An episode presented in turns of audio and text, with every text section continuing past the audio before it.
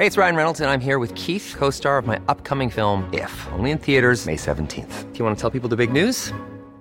All right, I'll do it. Sign up now and you'll get unlimited for $15 a month in six months of Paramount Plus Essential Plan on us. Mintmobile.com slash switch. Upfront payment of $45 equivalent to $15 per month. Unlimited over 40 gigabytes per month. Face lower speeds. Videos at 480p. Active Mint customers by 531.24 get six months of Paramount Plus Essential Plan. Auto renews after six months. Offer ends May 31st, 2024. Separate Paramount Plus registration required. Terms and conditions apply if rated PG. One size fits all seemed like a good idea for clothes. Nice dress. Uh, it's a it's a t-shirt. Until you tried it on. Same goes for your healthcare. That's why United Healthcare offers a variety of flexible, budget friendly coverage for medical, vision, dental, and more. So, whether you're between jobs, coming off a parent's plan, or even missed open enrollment, you can find the plan that fits you best. Find out more about United Healthcare coverage at uh1.com. That's uh1.com. It's that time of the year. Your vacation is coming up. You can already hear the beach waves, feel the warm breeze, relax, and think about work. You really, really want it all to work out while you're away. Monday.com gives you and the team that peace of mind. When all work is on one platform and everyone's in sync, things just flow wherever you are. Tap the banner to go to Monday.com.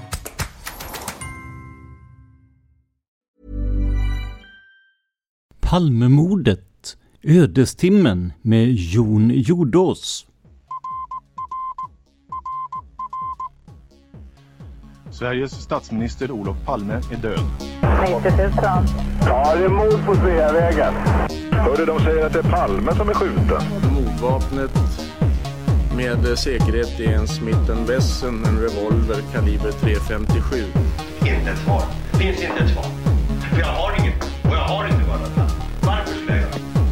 Polisen söker en man i 35 till 40-årsåldern med mörkt hår och lång mörk rock.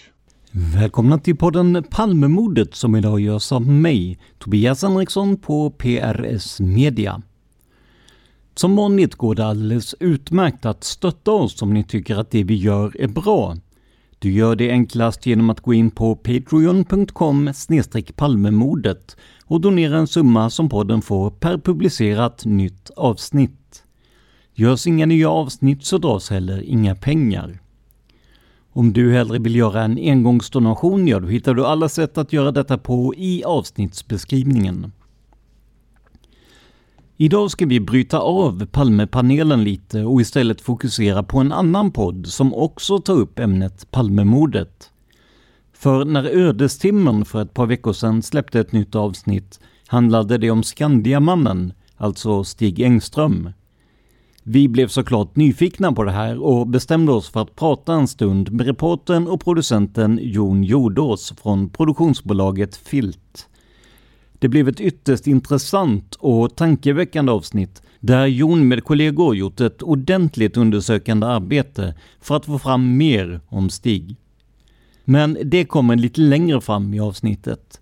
Först vill vi såklart veta lite mer om Jon. Så här säger han själv. Jag är radiojournalist eller poddjournalist. Um, har min bakgrund på P3 Dokumentär och Sveriges Radio. Där jag har jobbat uh, flera år. Um, sen ett tag tillbaka så jobbar jag som uh, dokumentärchef på Filt som är ett produktionsbolag som gör eh, uh, radio och poddar för SR men också för, för andra. Och det här är en fristående satsning, Ödestimmen, en ny dokumentärpodd som är gjord av produktionsbolaget Filt som eh, det här avsnittet som vi ska prata om idag, om Skandiamannen, är ju en del av den satsningen med ödestimmen där man zoomar in på en avgörande timme.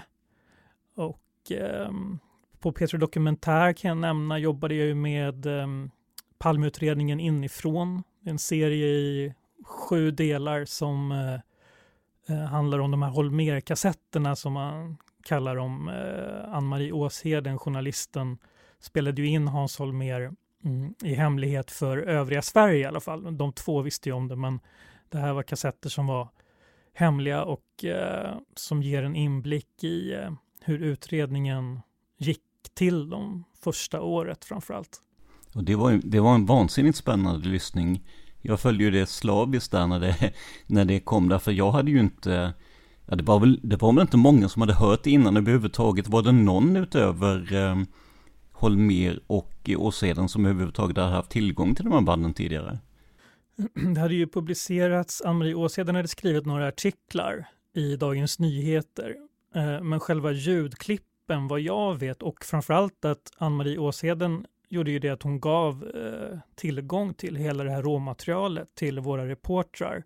Eh, det var ju framförallt Lovisa Lam Nordenskjöld och Hugo Lavett som jobbade med det här och som fick ja, förtroendet att själva gå igenom och välja vad de skulle ha med eh, och inte. Och eh, jag vet inte om det var några explosiva nyheter, men det som man fick insyn i var ju att det fördjupade och nyanserade eh, bilden och förståelsen av utredningen och hur den gick till. Så den, ja, det, det tycker jag blev en väldigt intressant serie. Ja, men det är ju en guldgruva för varje journalist, tänker jag, att få ta del av sånt material som inte har varit eh, ute, som du säger, i alla fall i några större delar tidigare ju. Ja, och apropå det så är det ju så att i och med att eh, förundersökningen Palmemordet lades ner 2020 så, ja, det vet ju alla som lyssnar på den här podden att från och med då så var det ju också mer som blev offentligt. Så det, från och med det finns det ju också mycket mer att hämta, även om det fortfarande är saker med, med sekretess och så. Jag vill bara passa på att säga att eh, det är väldigt roligt att få vara med i den här podden. Tack för att jag får vara med. Det jag har ju lyssnat på, om inte alla så i alla fall de allra flesta avsnitten och uppskattar dem. Verkligen. Ja, vad roligt att höra. Då kan jag kontra med att Petra Dokumentär bland annat är, är ju liksom en av de få poddarna jag, jag tar mig tid att lyssna på. Så att eh, Eh, det blir ju så när man själv gör en del poddar att det blir inte så mycket tid över till att lyssna på andras tyvärr. Men eh, nej, Petra Dokumentär har jag lyssnat på sen eh, Kristoffer Hansson och Fredrik någonting va, som startade upp det. Jo, men absolut. Den har ju funnits i många år. Den har ju funnits före jag jobbade där och eh, kommer finnas långt efter. Nu, nu jobbar jag som sagt med Ödestimmen som den här eh, avsnittet som vi ska prata om idag eh, och Skandiamannen. Också ett tips att ge en chans även andra avsnitt eh, av Ödestimmen som handlar om andra ämnen som är också är spännande. Men det här är ju då det avsnitt där eh, som jag har jobbat mest, eh, no, mest nära kan jag säga. Eh, om, vi, om vi bara eh, tittar lite på, innan vi går in på det här då, eh, vad ni har eh, gjort hittills. Alltså jag, jag såg bland annat att ni hade, eh, ja men ni hade massmördaren i Falun, vi hade en eh, en, en liten pojke vad jag förstår som var döende men där ambulansen inte dök upp och sen eh, nu då eh, Skandiamannen. Så att det är ju ett, ett, tips till våra lyssnare. Här finns det ju massa intressant att lyssna på. Det bygger väl på misstänker jag med, med avsnitt framöver här också ju. Så att eh, ja. Ja men verkligen. Och de har ju precis kommit igång och det kommer komma fler, fler avsnitt här framöver av Ödestimmen. Och som sagt, Ödestimmen då, ni fokuserar på en, en timme, alltså själva, ja men det är ödestimmen då i, i en utredning eller i ett skeende, eller hur? Ja, eh, precis. Vi har ju i det här fallet med eh, Stig Engström så har vi fokuserat på den här timmen runt att han eh, slutar arbeta och kliver ut från eh, Skandiahuset, kommer tillbaka lite senare. Vad har hänt under den här tiden? Det är ju det som är kärnfrågan och som alla undrar eh, och har undrat sedan eh, presskonferensen 2020 med Christer Peterssons utpekande. Ehm, sen har vi ju såklart i, när man har arbetar med en sån här podd och gör ett sånt här program så, så dyker det upp eh, annat material vid sidan av i, i, eh, ja, i den allmänna researchen som inte fick plats i den här timmen. Så det kan ju också, det finns några andra saker som, som vore intressanta eh, också att få prata om här i eh, Palmemordet, men som som inte är med i avsnittet. Så man kan säga, vi kan väl idag eh, både prata om själva avsnittet av Ödestimmen och Skandiamannen och sen så kan vi gå in lite grann på sånt som också finns i min research som, som också, det här är ju saker som många lyssnare självklart känner till, men som, som ändå är intressant att eh, gå igenom noga. Innan vi går in på själva avsnittet, hur ser ditt eget palmintresse ut om vi, om vi tänker utanför, utanför jobbet så att säga? Jag är ju i den åldern att jag minns eh, löpsedlarna, fantom, minns fantombilderna väldigt väl. Um, och sen så har jag väl, egentligen så tror jag att mitt stora intresse tog fart dels med den här Palmeutredningen inifrån P3 Dokumentär och med Christer Peterssons utpekande. Jag hade inte funderat så mycket tidigare, det kanske var Christer Pettersson eller inte eller sådär va. Men, eh, men det som eh, hände efter, framförallt tror jag efter utpekandet av Skandiamannen var att det var så, det var en omskakande upplevelse tycker jag. Det var så fascinerande att se um, hur han gick ut och var så pass säker på sin sak som han ändå någonstans, tycker jag i alla fall, är när han säger det här, det här är det som vi påstår har hänt. Och, och um, det är klart att det gav ju upphov till en, till en eh, någon sorts motrörelse, att man funderar, kan det verkligen vara så? Eh, och vad är egentligen mest sannolikt eller osannolikt? Så för mig var det nog det som blev startskottet till att gå närmare in på källmaterialet. Och, och vad, vad lutade du åt om vi tänker då innan, innan du började med eh, den här eh, dokumentären då? Hur, hur kände du för Stig Engström och den lösningen som presenterades? Alltså jag, kände, jag visste nog inte riktigt åt vilket håll jag skulle känna i samband med den presskonferensen därför att jag tyckte det var sån kontrast mellan å ena sidan att välja att gå ut med honom med namn och bild. Jag jobbar ju som, som sagt till exempel med Petri Dokumentär där vi alltid, det är lite special eh, sak för just mig, men vi tänker ju jättemycket på när ska man gå ut med namn och bild i massmedier eller gentemot svenska folket. För det, även om man kan det finns ju de som tycker att ja, man borde alltid namnpublicera eller sådär, men, men det är ju faktiskt så att man påverkar folk väldigt mycket och, folks anhöriga påverkas också väldigt mycket. Och så att, så att om man, det är ändå en känslig sak det där med att, äh, att gå ut med namn och bild och att när, när det gjordes så tyckte jag att det var någonting som skavde i att ingen teknisk bevisning och eh, hela hans kroppsspråk och röst var också sådär, det fanns något väldigt dubbeltydigt i att han var liksom både säker men ändå såg väldigt, mm, ja lite så hopsjunken ut och det var svårt att riktigt förstå vad som hände tycker jag. Så för mig blev det nog startskottet i att försöka grotta ner mig i och förstå vad det var som pågick där egentligen.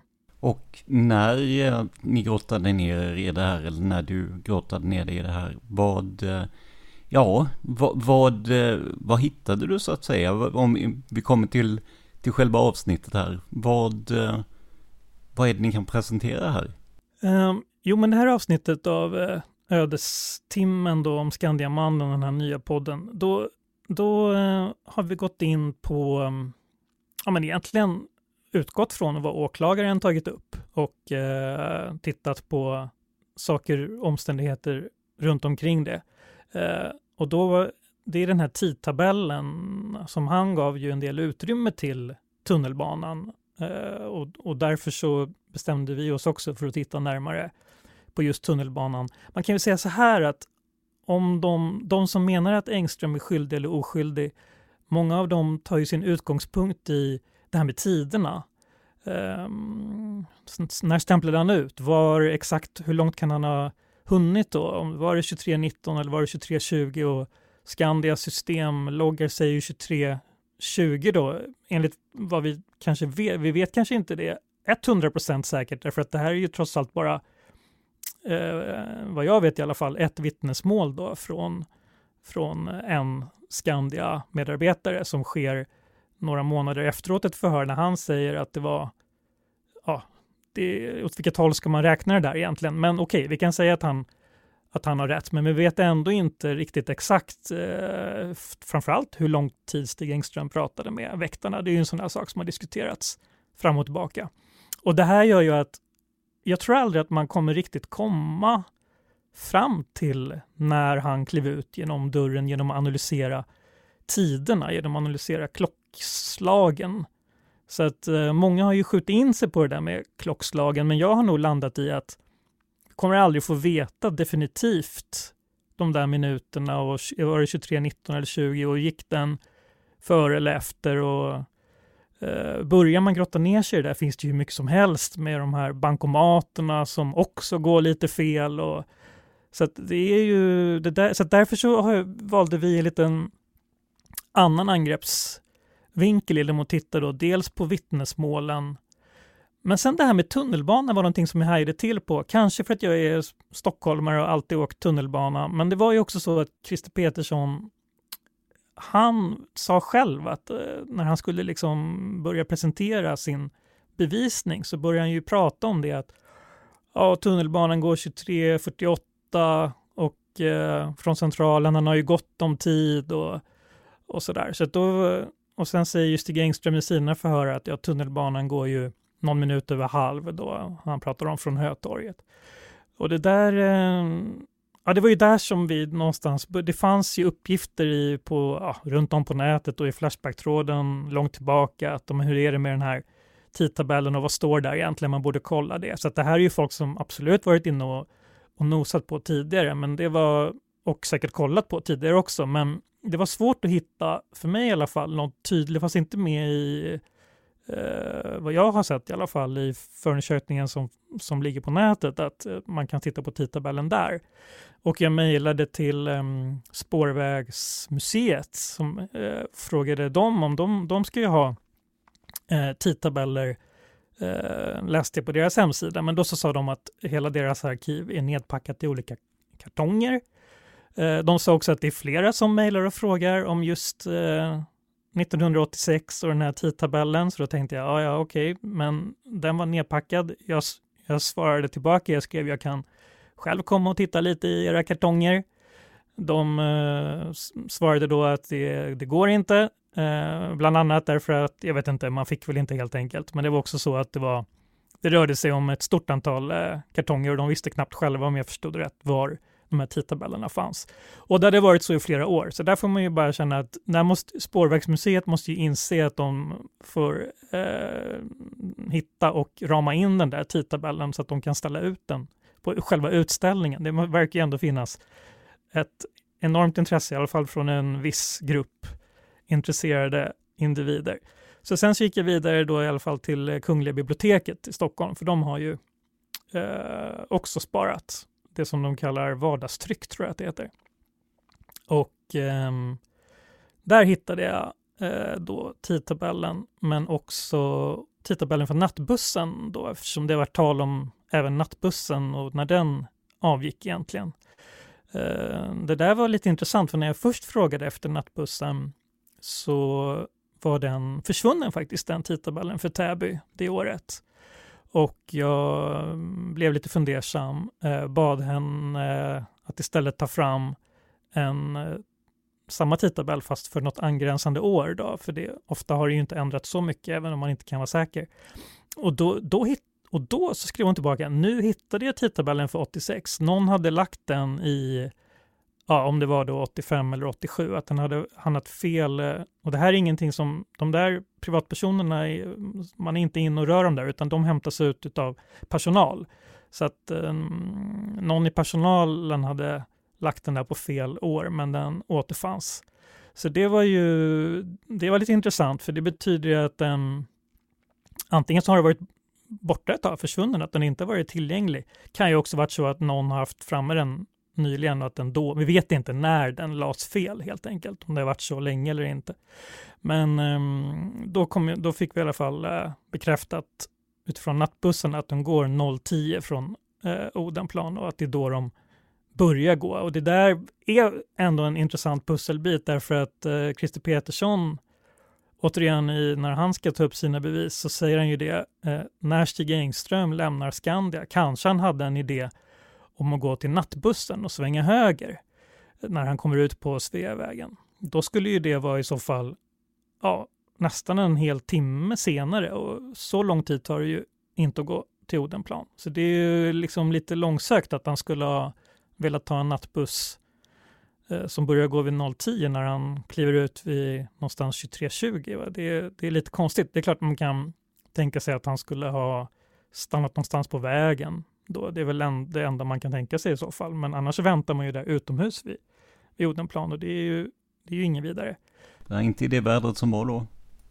Nej men precis. Var, var det minus åtta eller ja, minus sex? sex eller åtta grader var ja något sånt där var det ju. Och eh, snömodd och elände. Så att, eh, nej men absolut. Ja, vilket tar oss in också på det här andra, att han säger att Stig Engström skulle haft tid att eh, ta sig till centralen till 23.48 och jag antar att han menar eh, till fots då, att han hade gått om tid. Eh, det där tycker jag är, jag vet inte hur ofta Christer Petersson åker tunnelbana, men för mig i alla fall att om jag befinner mig vid, eh, ja, men vid Skandiahuset och ska till centralen, då alla dagar i veckan så går jag ju ner till gröna linjen som ligger precis där. Med, eh, och särskilt om det är kallt och så, så skulle jag absolut välja att ta gröna linjen en hållplats. Och det, och det tar han ju liksom inte upp alls när, i presentationen, den, hur, han, hur han ser på det. Att de, jag, jag tror, gör man en enkät bland stockholmare som åker lokaltrafik och du befinner dig där vid Skandiahuset, hur tar du dig till eh, till eh, centralen, då är jag ganska säker på att de flesta skulle välja att hoppa ner där vid Hötorget, som Stig Engström säger att han ska göra.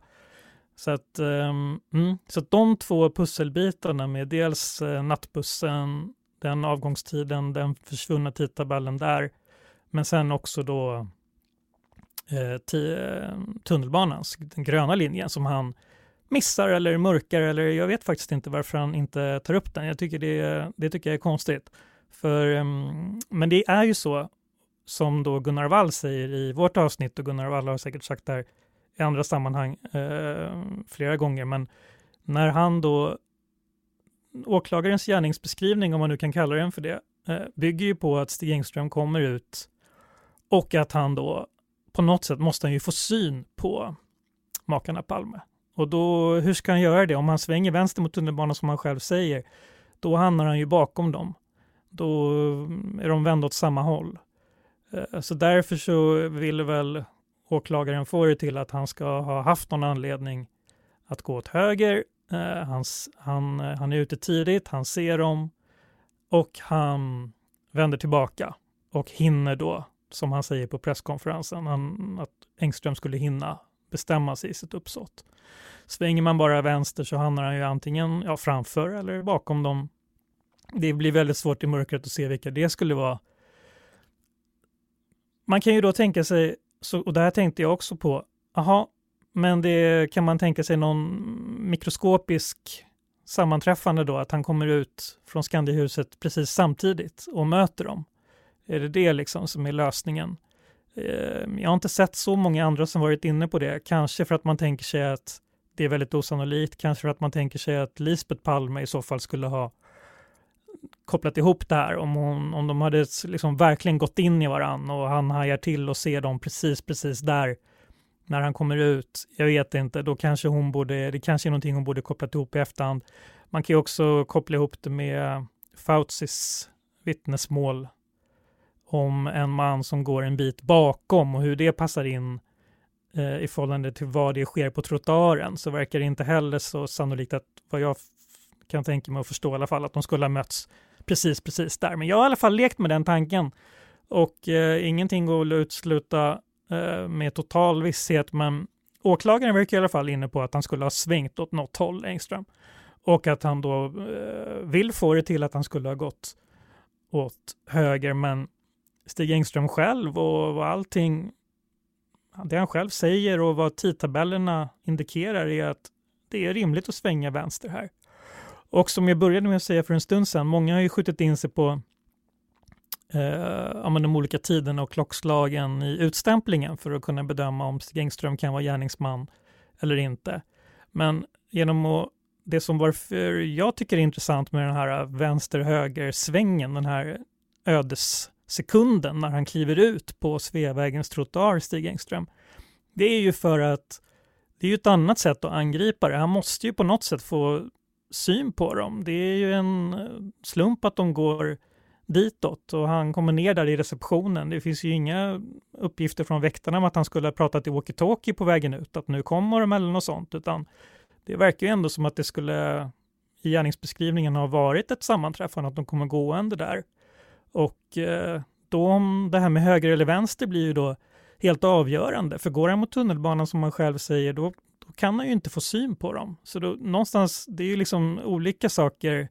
Vad talar emot Engström som gärningsman? Ja, vi dels, det är ju massa saker, men det är ju dels det här med utstämplingstiden kanske och um, om man pratade med väktarna en stund, hinner han då ut på Sveavägen ens? Men sen är det här att ska han gå till tunnelbanan, ja, men då, då blir det faktiskt ganska svårt att förstå hur han får syn på dem. Det är faktiskt lite svårt att besvara den frågan. Det är väl den slutsatsen som, som vi drar här i, i ödestimmen. Sen går vi vidare och tittar också på, och det här tycker jag nästan är ännu mer spännande, att gå vidare, gå vidare och titta på de här vittnesmålen från, från eh, platsen, från själva mordplatsen och se, eh, för det är ju också såklart väldigt omdiskuterat med om Stig säger massa felaktiga saker om hur det går till där och sånt. Så det är väl någonting Ja, men nu har jag pratat länge. Jag vet inte om du, jag ska släppa in dig också. Nej, alltså jag tänkte bara på, eh, för de lyssnarna som inte är från Stockholm då, inklusive mig, så Hötorgets tunnelbanenedgång, den ligger ju i princip ja, precis vid mordplatsen kan man ju säga, på hörnet mellan Sveavägen, visst är det den som ligger där? Um... Ja, den, eh, precis, det finns, den ligger väldigt nära och det är en nedgång eh, som ligger väldigt nära mordplatsen. Den, alltså väldigt precis intill. Den, eh, den eh, stänger eh, på kvällen en viss tid. Eh, och det här kollade jag i tidtabellen, jag för mig att det är vid 19.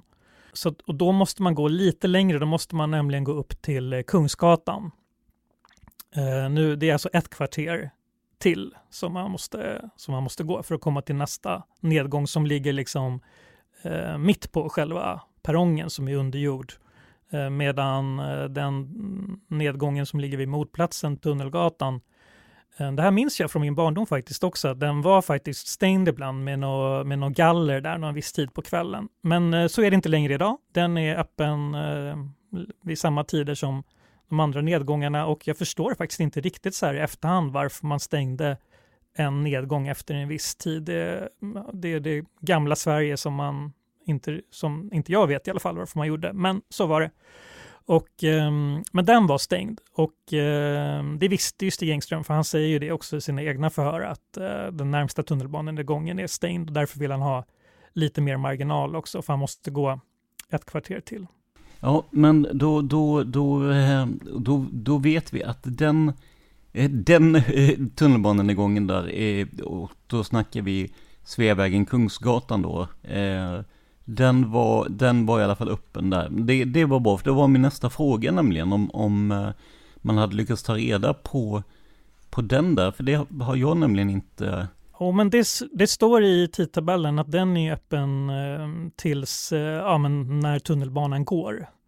Eh, medan det är en lista på uppgångar som stänger olika, som stänger tidigare än så och där är då Tunnelgatan med. Vi ska komma in på vittnen och, och, och det här också, men jag tänker hur, vad säger de här tiderna egentligen? Vad, vad är det för slutsats man kan dra av om de här tiderna nu presenterats olika i det ni har fått fram och det som Christer Petersson la fram på presskonferensen? Ja, alltså Christer Petersson, han har ju inte med gröna linjen alls. Det är väl det som, egentligen är det ju inte olika utan det är ju att han bara låtsas som att den inte finns. Eh, jag kollade även röda linjen och det, det stämmer ju som han säger att sista tåget går ju 23.48 från eh, centralen. Och eh, då kollade jag ju vilka, vad finns det för bytesmöjligheter om man då vill ta den här, om man vill slippa gå utomhus och ta gröna linjen, vad finns det då för bytesmöjligheter?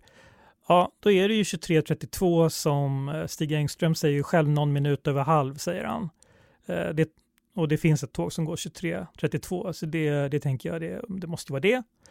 Och sen är det ett, eh, det hade ju varit lite bättre om, för det är, bara, det är ju bara en station emellan va, så att det hade ju varit, eh, och det är ganska kort byte dessutom på centralen, alltså det är ingen lång sträcka. Så att det hade ju varit eh, kanske bättre eh, om man inte vill sitta och vänta då, att, det, att ta eh, nästa tåg. Men då är det ju ett ganska stort glapp där, eh, för det är ju sent på kvällen. Så att eh, nästa gröna linje som går, det är väl teoretiskt möjligt att eh, hinna det bytet om man tar en senare avgång från eh, gröna linjen Hötorget. Men det som händer då är att det handlar om någon minut eller två där på centralen och eh, missar du det tåget så har du missat sista tåget till, till Mörby och då är han liksom fast inne i stan. Så att ehm, ja, det är en sak som jag upptäckte att han, om han liksom hade levt farligt så hade han kunnat ta ett senare tåg med risk att bli kvar i stan men ändå kunna behöva vänta lite kortare då på centralen och kunna, eller kunna vara kvar längre på, på Skandia då. Eh, men um, ja, det är väl lite olika hur man är lagd och där ja, det är bara vad Stig Engström själv säger så är det ju att han vill ta det där tåget och det verkar ju också jobbigt att vara kvar i stan så sent eh, utan att kunna komma hem på det sätt man har tänkt. Så att det där tolkar jag som att han vill ha den här. Jag vet att det har varit någon har funderat på, men det är, han måste sitta där en kvart på centralen och vänta och är det liksom är det lång tid? Men jag tror det var helt enkelt det som eh, ja, man är ju inte ovan som svensk att sitta och vänta och köa lite och särskilt inte på den där tiden. Så det tror jag var eh, någonting som var ganska vanligt. There's never been a faster or easier way to start your weight loss journey than with PlushCare. PlushCare accepts most insurance plans and gives you online access to board-certified physicians who can prescribe FDA-approved weight loss medications like Wigovi and Zepbound for those who qualify. Take charge of your health and speak with a board-certified physician about a weight loss plan that's right for you. Get started today at plushcare.com slash weight loss. That's plushcare.com slash weight loss. plushcare.com slash weight loss. Hey, it's Ryan Reynolds, and I'm here with Keith, co-star of my upcoming film, If, only in theaters May 17th. Do you want to tell people the big news? All right, I'll do it. Sign up now and you'll get unlimited for $15 a month in six months of Paramount Plus Essential Plan on us. Mintmobile.com slash switch. Upfront payment of $45 equivalent to $15 per month. Unlimited over 40 gigabytes per month. Face lower speeds. Videos at 480p. Active Mint customers by 531.24 get six months of Paramount Plus Essential Plan. Auto renews after six months. Offer ends May 31st, 2024. Separate Paramount Plus registration required. Terms and conditions apply if rated PG.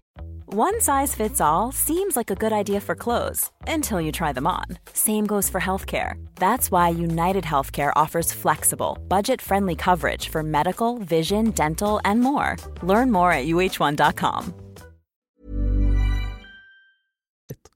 Ja men precis, och så var det ju det som erbjöds i princip då ju, eh, om man inte skulle riskera att bli kvar i stan, vad jag förstår. Jo, precis. Men du, du pratade om vittnena där också ju.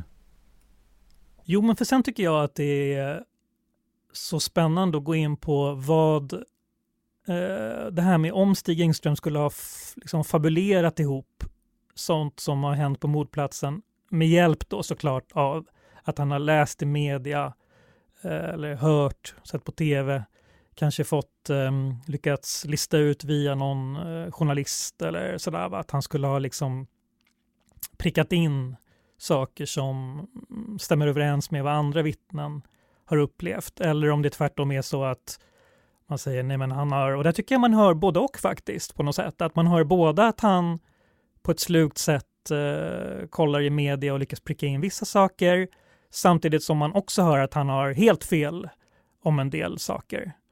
Och eh, när man sen tittar också på, jag har ju läst igenom alla vittnesförhören från mordplatsen och det det ändå tycker jag är bra att ha i bakhuvudet att de, de många skiljer sig ju lite grann. Folk är ju oense om en del saker. Det ju, verkar ju liksom oundvikligt och normalt. Bara en sån sak som gärningsmannens huvudbonad.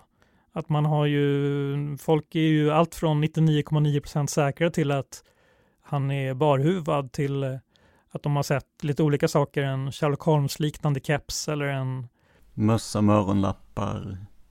Eh, eller keps morgonlappar var det kanske? Ja, det finns, det, är liksom, det finns lite olika uppgifter. Det är allt från att den är stickad till att den inte är stickad. Alltså det är, det är lite olika uppgifter. Eh, och många säger då som sagt också att han inte har någonting på huvudet. Så det där är ju det är ju att, man, att det avviker lite grann för varandra när det går så här fort och är lite uppstressat. Det är ju, verkar ju inte vara något, något i sig, att, utan det man får göra någon sorts eh, helhetsbedömning och fundera på om det är några som säger väldigt liknande detaljer. Eh, då, ja, det där är ju liksom, det är ju en grannlaga uppgift att gå igenom såklart. Och, då, och därför är tycker jag, ett spännande jag menar, och det här pusslet att, av vittnesuppgifterna, det är ju det som åklagaren ja, men hela hans utpekande av Stig Engström som misstänkt gärningsman vilar på är ju att lägga pusselbitar. Det finns ju ingen teknisk bevisning. Det finns ju inte ens något motiv ordentligt presenterat. Utan det är de här pusselbitarna där man säger att han inte passade in och att han var längs gula linjen. Och det som vi tar upp i avsnittet av Ödestimmen, det är ju då att några av de saker som eh, olika vittnen pratar om och som vad jag kan bedöma i alla fall tycker jag stämmer in schysst. Det stämmer in med vad Stig Engström berättar. Eh, det är ju till exempel då det här eh, ja, men det tydligaste exemplet är väl blodet, blodet som kommer ur munnen och blod i ansiktet. Det här tar vi upp i avsnittet att det är ju mm, flera vittnen som vi är inne på. Och um, om man då försöker fantisera då och tänka sig om Stig hade varit gärningsman, skjutit, pof, han springer iväg, tar någon runda, eh, kommer tillbaks till Skandia och börjar ju då berätta för, börjar ju direkt då liksom berätta för väktarna vad han har varit, har varit, varit med om, fast ur ett perspektivet att han har varit vittne bara. Och, ehm, och då är det ju intressant att fundera på, hade han kunnat se och observera det här med blodet i ansiktet. Han har ju som gärningsman har han ju skjutit i ryggen och sprungit iväg. Så det är ju liksom, det är klart att även om man kan tänka, ja det kommer säkert blod ur munnen, så är det ändå, det verkar lite konstigt ändå att det skulle vara det har han ju med som en detalj, enligt väktarna i alla fall. Sen kan man ju, liksom, men väktarna säger ju senare i alla fall att Stig Engström pratar om att det var ansiktet var översköljt av blod, att han var nästan vanställd i ansiktet och att det därför gick knappt att se att det var Olof Palme som låg där. Och det här är ju andra eh, vittnen mycket inne på. Eh, Gösta Söderström, kommissarien, berättar ju också om hur blodig Palme var och så vidare. Han kände igen honom på sin karaktäristiska näsa till slut, Gösta Söderström, eh, säger han. Så det är en sak, det här med frågan om blodet som jag tycker är, ja. Då ska vi bara skjuta in då också att det här är ju ingenting som går att eh, det skulle möjligen gå att läsa sig till, men det finns inga bilder eller liknande på det här i, i tidningarna senare givetvis, utan då är det ju ja, den klassiska bilden när man ser blodpölen då, men där går det ju givetvis inte att utröna varifrån den en gång har kommit så att säga, så att det låter ju märkligt att han skulle kunna Möjligen om man har läst då något, något vittnesmål senare då. Eh, jag tänker eh, Anna Hage eller Stefan G. Att de har eh, kunnat berätta om det som ändå var framme vid, vid kroppen då. Men det är ju ingenting som framgått supertydligt i, i media heller. Så man skulle kunna ta bakvägen så att säga där, eller hur? Vad jag har kunnat läsa mig till så är det en sån alltså hemsk och otäck detalj som det, det är inte någonting som media jag vet inte om de ens visste det eller ingenting som de publicerade vad jag har sett. Det kan vara att det finns som jag, har, som jag inte har sett. Men, eh, nej, men vad jag ser så är det där inte ute. Och som du säger, det är inte heller så att det finns sociala medier och någon möjlighet att liksom snappa upp det på det sättet. Ja, nej men det, det enda är ju då Tidningarna intervjuade ju Anna Hage ganska snabbt. Jag har faktiskt inte koll nu när vi sitter och pratar. Jag har läst de där eh, intervjuerna ganska mycket. Men jag kommer inte ihåg om hon nämner någonting om just det där blodet eh, från munnen. Men att han var blodig vet jag att hon nämner i alla fall. Och det är ju, men det, jag är osäker på om hon säger någonting om, om att blodet kommer just från munnen där. Nej, men sen är det ju så i och med att om Stig börjar prata om det med väktarna redan vid 23.40 ungefär, så det är ju, det är ju då före Eh, han har kunnat läsa om det mm, någonstans. En sak som jag tycker faktiskt att är lite förbisedd och som jag, som jag själv fäster mig vid väldigt mycket i materialet. Och det, det här är någonting som jag, jag tycker faktiskt är någonting som borde uppmärksammas eh, ännu mer. Det är den här, just den här, um, det är inte direkt någon enskild eh, vittnesutsaga, det är inte en enda observation, utan jag skulle, jag vill snarare kalla det för en sorts eh, tveksamhetskänsla, en tveksamhetsfaktor som finns hos ja, men i stort sett alla vittnen.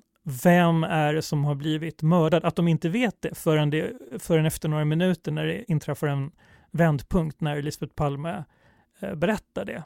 Och det här är ju någonting som jag menar att Stig, enligt väktarna, när de senare förhörs, bär med sig in till dem. De är också lite eh, tvekande. De säger att han har ju sagt där att ja, han var så liten den här mannen.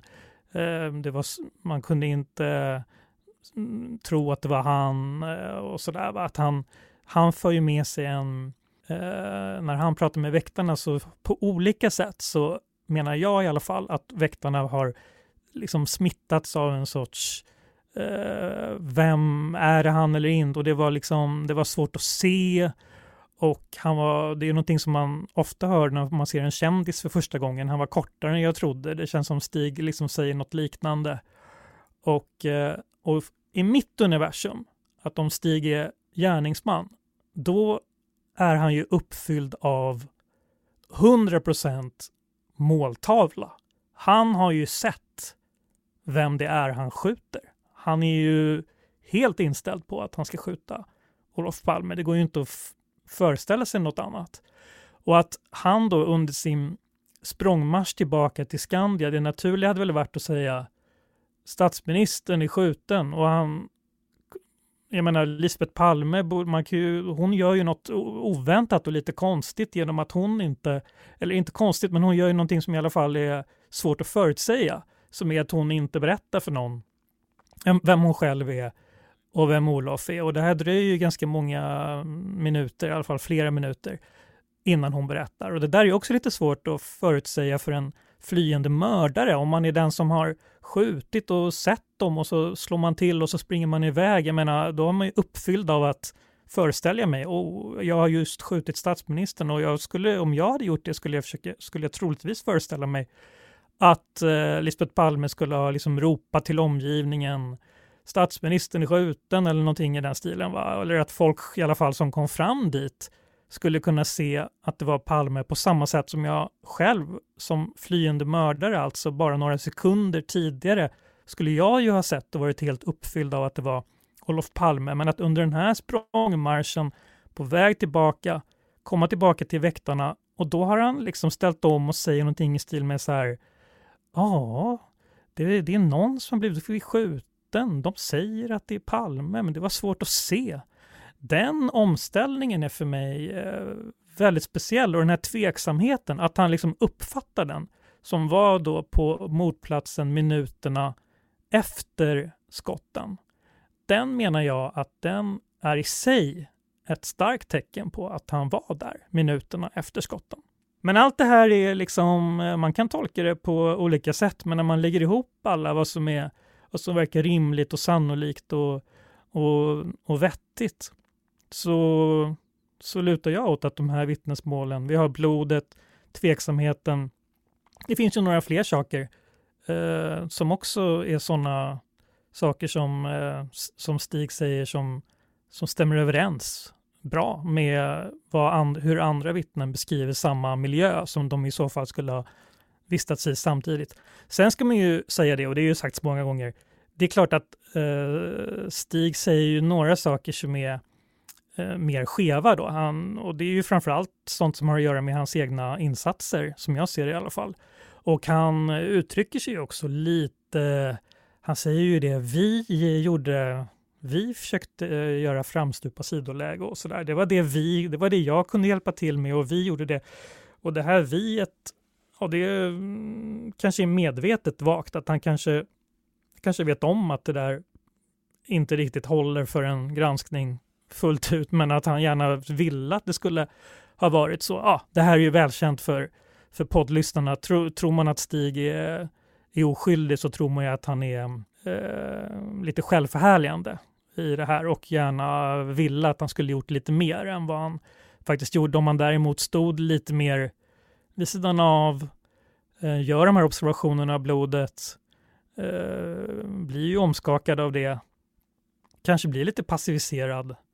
Eh, det är svårt att veta vad han har gjort och inte. Han har ju det här med, en sak som brukar ifrågasättas mycket är ju det här med att han skulle ha liksom pekat i militärisk stil, som han säger själv, då, in i gränden och sagt de sprang ditåt eller något sånt där. Va?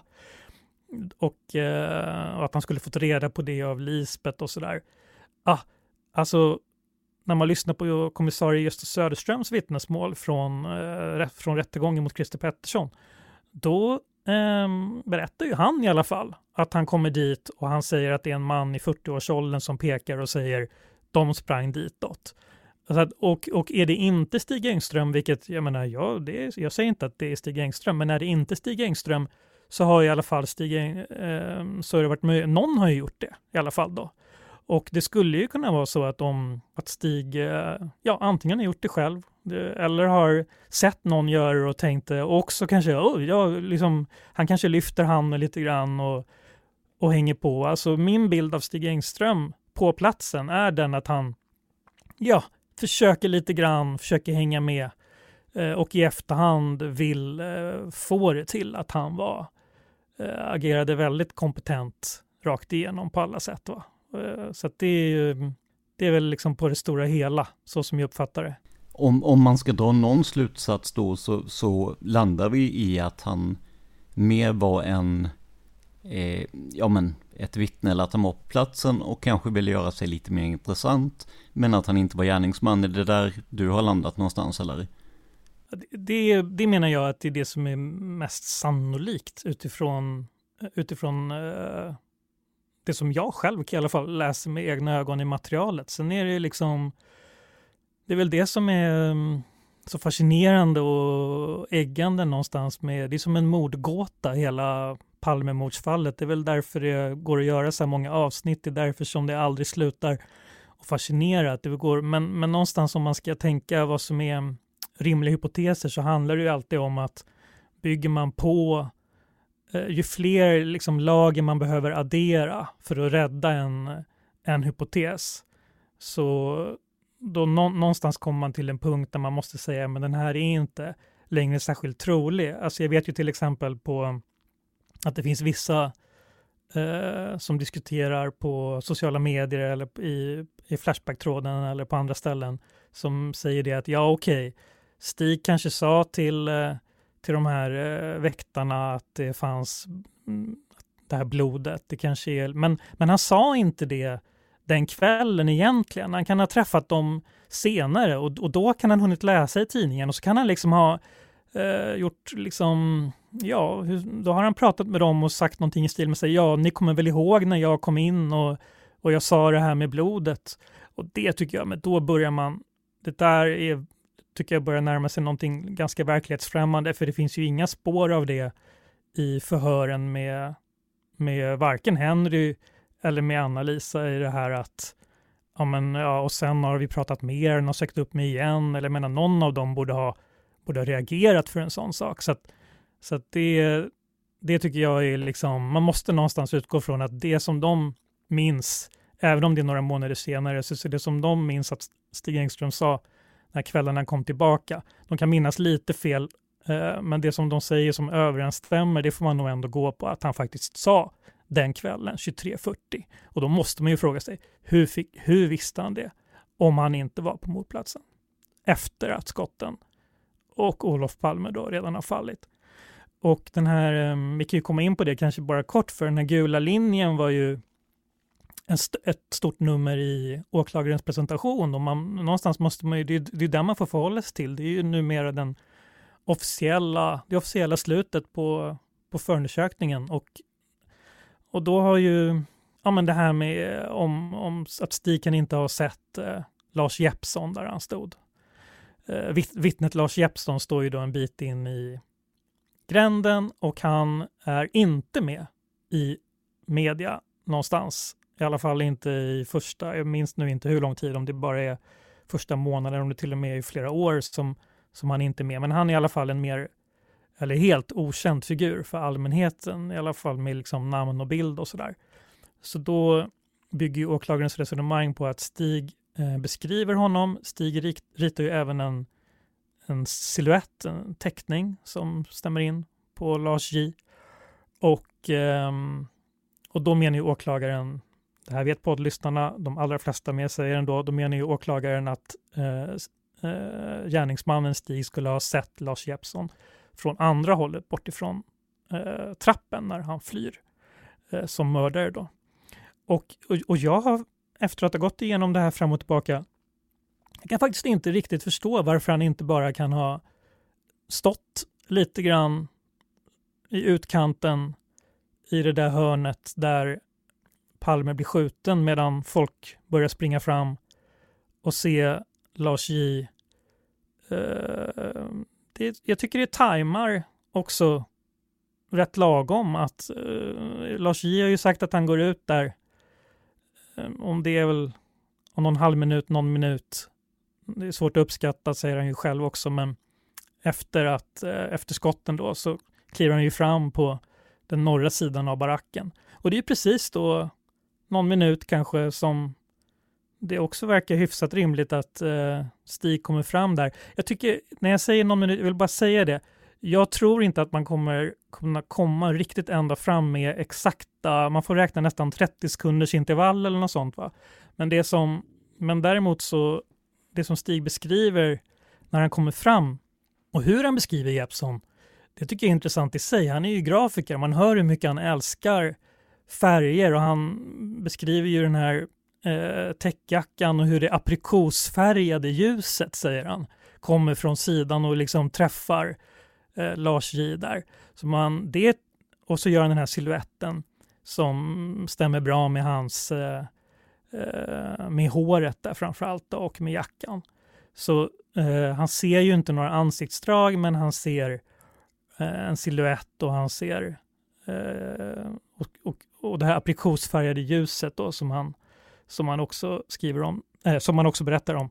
Det tycker jag är, eh, ja men det låter för mig som en grafiker som står och tittar på eh, någonting under några sekunder. Det låter för mig, alltså att han skulle ha som mördare springer han upp där. Det, det här är tänkbart, jag säger inte att det är otänkbart, men att han som mördare vänder sig om och etsar fast både, det han undrar väl, är det någon som följer efter mig? Och att han då i den där korta titten bakåt skulle ha fått in liksom, mm, vilket mysigt aprikosfärgat ljus. Det är liksom är för mig, eh, jag, jag tycker det är verklighetsfrämmande, men jag, jag är öppen för att det kan ha, det kan ha varit så. Eh, men, men jag tycker att det låter som en mycket färgintresserad person som står och liksom kontemplerar lite grann. Och att han är så fokuserad på, Eh, att Stig är så fokuserad på den här Lars J, det är ju det också att han undrar ju om det kan vara mördaren. Han tycker det är spännande. Det är ju det som är hans...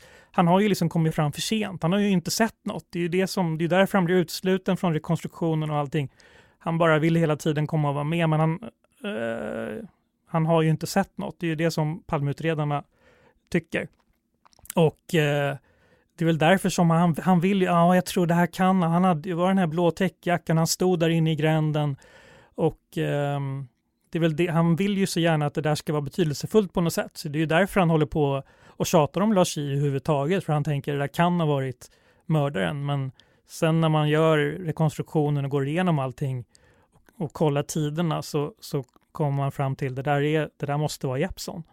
Och eh, det tror ju Pettersson också att det där är, är Jeppsson. Så där är ju liksom alla överens egentligen, bara att frågan är från vilket håll såg Stig Jeppsson? Ja, och det är ju en, en ganska väsentlig fråga då om man, beroende på om man ser honom som vittne eller gärningsman ju, så att, eh, mm, ja men absolut. Men vi, visst, visst var det så att det var väldigt få av de andra motplatsvittnena, om någon, som kunde beskriva Stig, men han kunde beskriva dem, eller hur?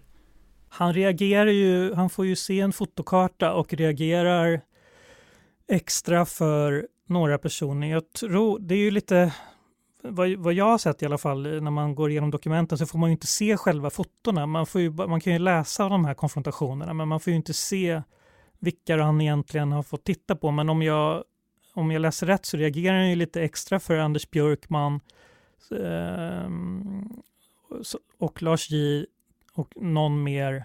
Men att han, jag, jag vet det är svårt att säga också eftersom det, han, det är svårt att bedöma i efterhand hur de här konfrontationerna egentligen eh, gick till. Men han, han reagerar ju för några. Sen, eh, det här har jag inte själv gått igenom i detalj, men det finns ju andra som har kollat hur, hur de andra vittnena generellt har liksom minst varandra Och de, de flesta har ju ändå uppmärksamheten på, på Olof och Lisbeth Palme och på sina sällskap och de som var ensamma Eh, eller i sällskap för den delen, är ju ofta mest att de är registrerade av sina egna sällskap och sådär. Det är ju inte de som står ut, det är ju de som gör anmärkningsvärda insatser och där är väl jag och de flesta ganska överens om att Stig gjorde kanske inte några särskilt anmärkningsvärda insatser. Och därför är det inte heller någon som kommer ihåg honom, men det är han ju inte han är ju inte ensam om så att säga. Han är ju inte, det där kan ju framstå ibland som att han är den enda som inte skulle vara igenkänd av andra, men det finns, det där är ju mer av en det är ju, det är ju ett, eh, det är ju ganska splittrad bild av vilka det är som egentligen kommer ihåg andra. Eh, en fundering också, de som vill se Stig Engström som gärningsman, de brukar ju ta och citera ur eh, Skydd och säkerhet, nummer 5 92, eh, från 1992, där han då säger att det kanske inte alls var överlagt och planerat, det kanske inte var ett mord utan ett dråp och så berättar han om att när han, eh, eh, om han skulle ha gjort det då skulle han haft en smidigare revolver och så vidare. Hur, hur ser du på det? Har du tittat någonting på, på det? Spelar det någon roll överhuvudtaget? Jag tycker nog det där låter som ganska allmänt eh, Palmesnack. Jag pratade ju själv för en stund sedan att eh, om jag var mördaren och sprang iväg sådär och så. Va? Så att jag, mm, jag vet inte, jag tycker i den kontexten och vad den intervjun på det stora hela handlar om och sen att han går in på det där lite grann ehm, menar jag att man inte, jag kan inte dra några särskilda växlar på det i alla fall. Jag tycker inte det pekar i någon särskild riktning, varken för eller emot eh, egentligen, som gärningsman. Precis, och det man inte citerar ofta, det är ju eh, när han fortsätter och säger vad gör en drogsugen person, kanske desperat, eh, efter mer att stilla sitt nervsystem med. Eh, kanske desperat efter mer att stilla sitt nervsystem med menar jag. Så där blir det ju som att hela resonemanget handlade om ja men troligen då eh, Christer Pettersson som var, var väl aktuell eh, då som i alla fall misstänkt mördare för, eh, fortsatt då även om det inte var eh, han inte hade blivit fälld. Men eh, Eh, så att eh, jag, jag är beredd att hålla med dig. Det, det, låter, det låter som någonting som är ja, en, en, en lekmans tankar om, ja men jag tänker mig också att eh, Stig hade ju uppenbarligen en, en inlevelseförmåga då som vi har sett om, om vi nu eh, ja, tänker oss att han kanske inte var helt sanningsenlig vad han gjorde och inte gjorde. Och då är det väl inte orimligt att tänka att han har en bra inlevelseförmåga i hur han skulle ha agerat om han hade varit gärningsman heller då ju. Ja, Jon, har du någonting mer som du eh, känner att du vill lägga till innan vi, eh, innan vi avrundar här? Ja, men det, är någon, det är en liten grej som jag skulle kunna ta upp bara som jag tycker är intressant, som också är lite förbisedd. Um, som är den här frågan om uh, Stig Engström har undanhållit för uh, polisen att han var ute eller inte där vid 2021-tiden. Den är ju det är ju något som är, har talats mycket om därför att man, om man tror på Engström som gärningsman så är, och att han inte är en del av en konspiration så eh, ligger det nära till hands att tänka att han skulle ha varit borta vid Grand fått syn på dem i något skede, om inte annat för att han då, ja man måste ju på något sätt ändå komma in lite grann i, i eh, rätt stämning eh, antar jag då och, och eh, att han också då sen har vapnet när han går ut på gatan. Är väl, eh, ja, jag är inte helt säker. Åklagaren gjorde ju ingen sån gärningsbeskrivning, jag var ju inte inne på Grand överhuvudtaget, men, men eh, då är det ju någon, däremot så sa ju åklagaren att eh, Stig Engström har aldrig berättat för polisen att han var eh, ute eh, den här kvällen. Och eh, ja, det där tycker jag, det här är, det här är ju nu inne på liksom detaljer och, och finlir, men det är ju det som är, är roligt också med utredningen. Men, men då, eh, där menar jag att, ja men dels har vi det här med vilket klockslag kommer han tillbaka. Eh, det förekommer ju två olika uppgifter från eh, väktarna eller väktaren, det är, är det 20 eller 21 ja, okej, okay, det, kanske vi, det kanske vi aldrig får veta. Men däremot kan man ju grotta i om han själv har undanhållit det eller inte. Och då när han får frågan om det här, när han förhörs då om mordnatten eh, och mordkvällen, så får han ju lite frågor och där Eh, är det ju lite rörigt där under en period. Liksom. När var du, ut, när, var du ute någonting på den här kvällen? När började du arbeta? Ja, du menar den här kvällen? Det är en ordväxling där som liksom som är lite rörig och sen säger Stig, ja den här kvällen har jag varit på mitt rum eh, hela tiden, eh, ungefär. Och, eh, och då menar jag att det är intressant, vi pratade ju tidigare om den här eh, tunnelbanenedgången för Tunnelgatan och när den, när den stänger. Och eh, Stig säger i samma förhör att ehm, ja, den, eh, den, den stänger någonting eh, 18-19 tiden på eftermiddagen, säger han. Det där hajade jag till på. Vänta nu, vad hände där? Ja, det stänger, det, han, Stig säger alltså eftermiddagen om 18-19 tiden. Det där tycker jag, det hajade jag till på därför att det här är ju sådana språkliga grejer som ändras. Det är olika olika familjer. Det är en sak man kan fråga, liksom, kan sitta på skolrasten, ja, när, när börjar kvällen, när slutar eftermiddagen? Eh, det är saker som skiljer sig åt i olika eh, tider förmodligen också. Att det kanske var mm, vanligare att man pratade om förmiddag, eftermiddag och då menar man i vissa, jag tror i Tyskland, jag ska inte säga på att jag har rätt nu, men eh, där är det lite mer att eh, man äter ju middag mitt på dagen och sen är det allting som händer före eller eftermiddagen är ju då eh, antingen förmiddag eller eftermiddag så att säga.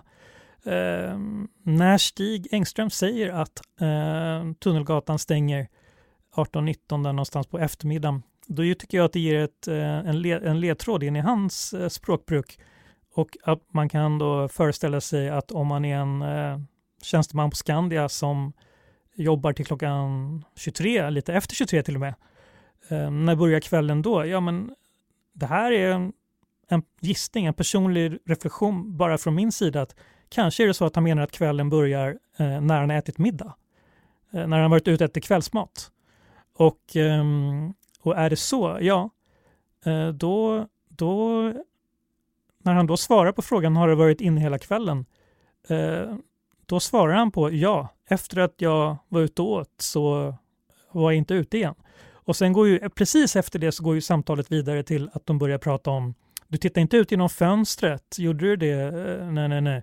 Och då är det ju ännu mer uppenbart att det här kan ju inte handla om 19.20 på kvällen utan här eh, tänker sig väl Stig att de funderar över just det här med någonstans runt eh, mordminuterna. Det är väl det som är intressant i sammanhanget.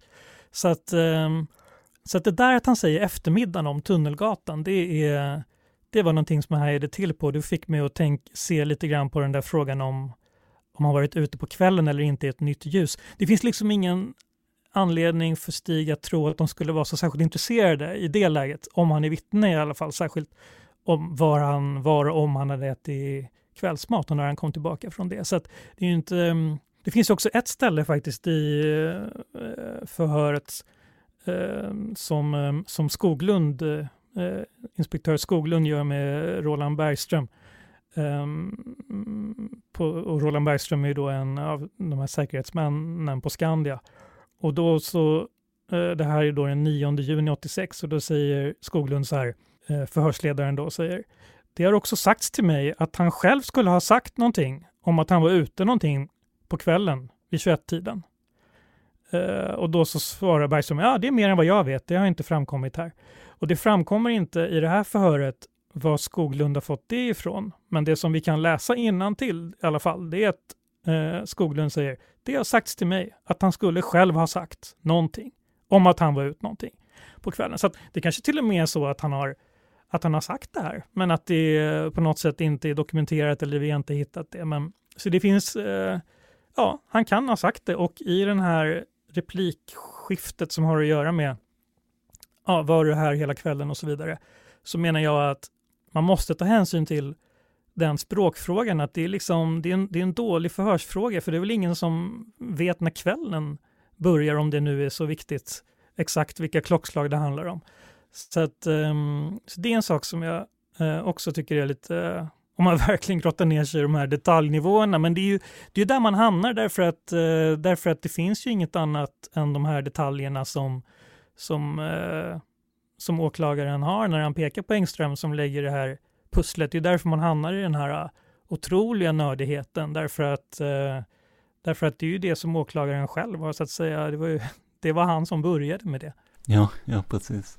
Var det det här du syftade på innan eh, avsnittet med när du sa att du hade någonting med just Skoglunda som jag och Gunnar Wall hade pratat om i något avsnitt? Ja, nej men det är det här om eh, precis, vi pratade ju om det att man hittar saker runt om, inte, förutom den här timmen så, så var vi inne på eh, andra saker som, hittar, som man hittar i sin research, som jag hittat som journalist när jag har kollat på det här. Nej, men det som jag tänkte på det var eh, dels det här med eftermiddagen och kvällen, men sen, eh, ja, sen tycker jag också att det är bara intressant att se hur den här, och det var ju du och Gunnar Wall inne på bara för några avsnitt sen i podden här, men den här eh, otroliga engagemanget och iven med, med vilken den här Skandia säkerhetsmannen Häggström, han är ju så ehm, sugen på att göra den här utredningen. Och han är ju själv eh, för detta polis och känner liksom att han han ser skumma saker överallt. Och det börjar ju med att han Eh, när han då pratar med, med Skoglund, nu läser jag från från förhöret här så, så, så reagerar ju Skandia, säkerhetsmannen Häggström, han reagerar på de här ah, datalistorna, att det är för få stämplingar från Engström. Han har inte använt kortet mer än två gånger den här fredagen. Den här fredagen. Och, eh, och, det är inte så underligt för en utomstående, men för oss som jobbar här i Skandia är det här mycket märkligt. Varenda gång du ska ut här och käka lunch så har vi de här inre skjutdörrarna i entrén. Och då ska man liksom stämpla in och ut. Sen när man pratar med, med vakterna, med väktarna, då säger ju de, de släpper in folk till höger och vänster. Folk orkar ju inte dra kort. Det är ju ungefär hälften som vi känner igen och så släpper vi in dem. Det här är väl kanske ett typexempel på hur man tror, chefen tror att det går till på ett visst sätt i verksamheten och de anställda gör på ett annat sätt. Och konsekvensen blir ju att det här är ju egentligen inte alls skumt, men det här är ju en av de sakerna som utgör startskottet för misstankarna mot Engström och i förlängningen för åklagare Christer Peterssons utpekande många år senare är någonting som egentligen är totalt missförstånd. Att han menar att det här är jätteskumt. I själva verket så är det inte alls skumt. Det är någonting som alla hans anställda håller på med. Han har själv bara inte fattat det. Um, sen, det är samma sak med att de här dörrarna som inte larmas är, blir ju mycket fram och tillbaka runt det. Uh, det. det. är dörrar som står öppna, väktarna åtgärdar inte de här larmen. Ja, kollar man på förhören med väktarna så ser man ju de, deras arbete, deras verklighet ser ut på ett annat sätt. Det lyser lampor hela tiden och man går dit ja, lite senare när man tar ronden eller man, det där är liksom, det är bara så det är, den där dörren står öppen ibland och det är folk som går ut och det är var, varor som transporteras till butikerna som också finns i Skandiahuset. Så att det där är ju återigen en krock mellan hur chefen tycker att det liksom borde gå till och när man sen eh, frågar de som jobbar hur det, hur det faktiskt går till. Så då, men då, då säger ju Häggström det här att eh, ja, de fattar inte, de, de ska vidta vissa åtgärder, men det gör hon inte. Hon struntar i det. Ja, det var ju konstigt. Ja, och konstigare blir det ändå. Så att det här är ju liksom, de är inne på, de ser skumma saker i Skandiahuset som egentligen är ganska vanliga saker, men som chefen bara inte har märkt förrän, förrän nu, så att säga. En sista sak då i det här som jag vill nämna i det här eh, som de börjar grotta i med Skandia som de tycker är så skumt och som kanske är den, det som är det mest skruvade egentligen. Det är ju när de börjar eh, prata om den här eh, väktaren Annette Kohut, hennes efternamn, vad fan är det? Det är ju någonting med Östtyskland. Det är en, någon av väktarna skulle åka till Östtyskland just den här kvällen klockan 19. Alltså nu börjar det bli riktigt, liksom, nu börjar de se mönster som, som verkligen inte finns där. Så att stort sett allting som de eh, börjar tycka är skumt med Skandiamannen så här i början är ju saker som, som egentligen inte är så skumma, men som blir startskottet för misstankarna mot honom. Känner du att, det, att vi är någorlunda klara? Jag har inget mer från min sida i alla fall. Nej, man blir, man blir aldrig klar. Men, eh, men, eh, men tack så jättemycket för att jag fick eh, komma och prata om det här ödestimmen-avsnittet om Skandiamannen. Och um, jag vill bara säga igen att jag, dels att jag är ett fan av podden, har haft mycket hjälp av den, men eh, jag vill också säga att det, jag menar inte att ta någon slutlig ställning i frågan om Skandiamannen heller, utan jag är liksom, jag, jag tycker det är viktigt att vara öppen och prövande, men man måste också kunna någonstans säga att när saker blir lite för många lager för att hålla ihop det, lite för osannolika och när man tittar på helheten så menar jag att det är inte mycket som, som pekar på Stig Engström och det är ganska mycket som pekar bort från honom. Från honom. Och det var också det som var eh, startskottet för mitt intresse efter den här presskonferensen som var vad, vad är det som pågår här? Ja men då så. Eh, Jon Jordås, tusen tack för att eh, vi fick prata med dig. Och eh, som sagt, eh, ödestimmen om Skandiamannen finns ute nu. Och det, det är väl som med vår podd misstänker jag att det finns på överallt där poddar finns. Spotify och iTunes och allt vad det är för någonting. Det, det stämmer bra det. Tack, hej. Tack så mycket. Are you ready for truly hydrated skin? Meet Hyaluronic Body Serum, a breakthrough in body care from Osea. It's clinically proven to instantly increase hydration by 161%. Their lightweight, fast absorbing serum delivers 24 hours of nonstop hydration for silky smooth skin without the sticky afterfeel. Osea's latest innovation combines the magic of their best-selling hyaluronic sea serum with a new formula that's good for the whole body and five types of hyaluronic acid to target every layer of the skin.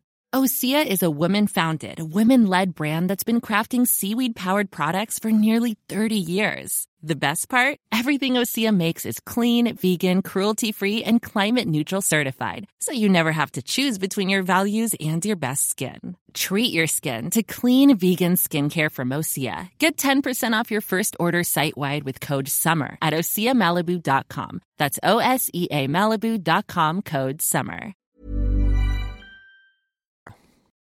Med det tackar vi Jon Jordås för ett mycket intressant samtal. Och skulle det vara så att Filt gör fler avsnitt om ämnet Palmemordet så hoppas vi såklart kunna återkomma med fler intervjuer. Vad tycker du om dagens avsnitt? Kommentera gärna i avsnittets trådar på Facebook. Vi finns i Studio Palmemordet och i Palmerummet. Om du vill kontakta oss med frågor om podden, förslag på ämnen eller liknande, mejla simwaypodcast gmail.com. Det är alltså z-i-m-w-a-y podcast gmail.com.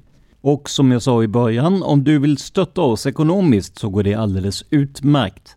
Alla sätt att göra detta på hittar du i avsnittsbeskrivningen.